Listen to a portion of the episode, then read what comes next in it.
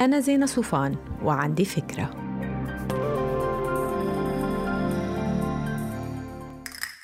هاي مهم كتير كل واحد منا يكون عنده قوائم عمل أو تدو ليست تنظم له حياته بس دايما في سؤال.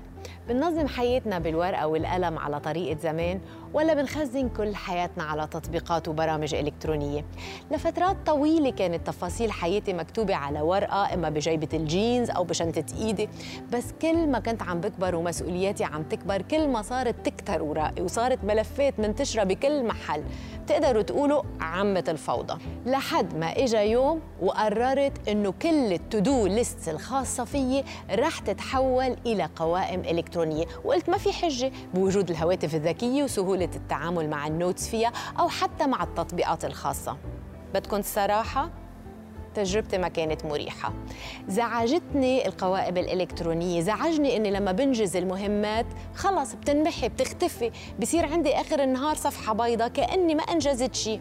بتعرفوا كل شخطة لمهمة بخلصها باليوم تعطيني شعور حلو بالرضا عن نفسي وكتير انزعجت إني خسرت هيدا الشعور لما اشتغلت الكترونيا. قررت أرجع على الورق بس صدقوني ما مشي الحال. بعد تعديل ال calendars على ال desktop وعلى الجوال وإمكانية التعديل بدون شخبطة.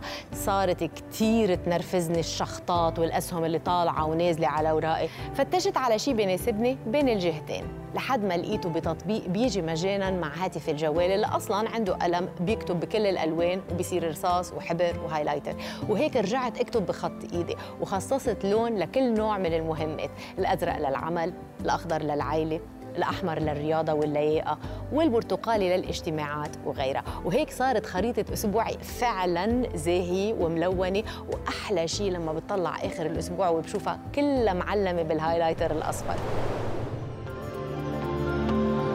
ما تنسوا تعملوا download للفكرة؟